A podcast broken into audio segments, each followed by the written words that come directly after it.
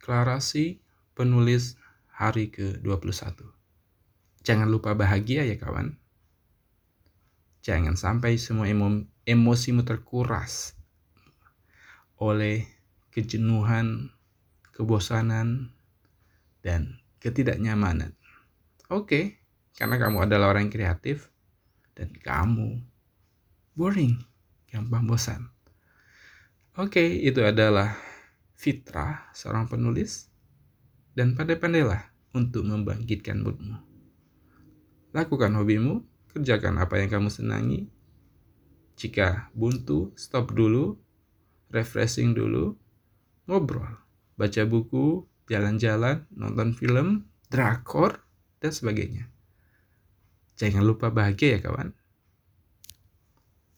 Demikian. Saya John Effendi, mentor menulis dan juga sahabat Anda.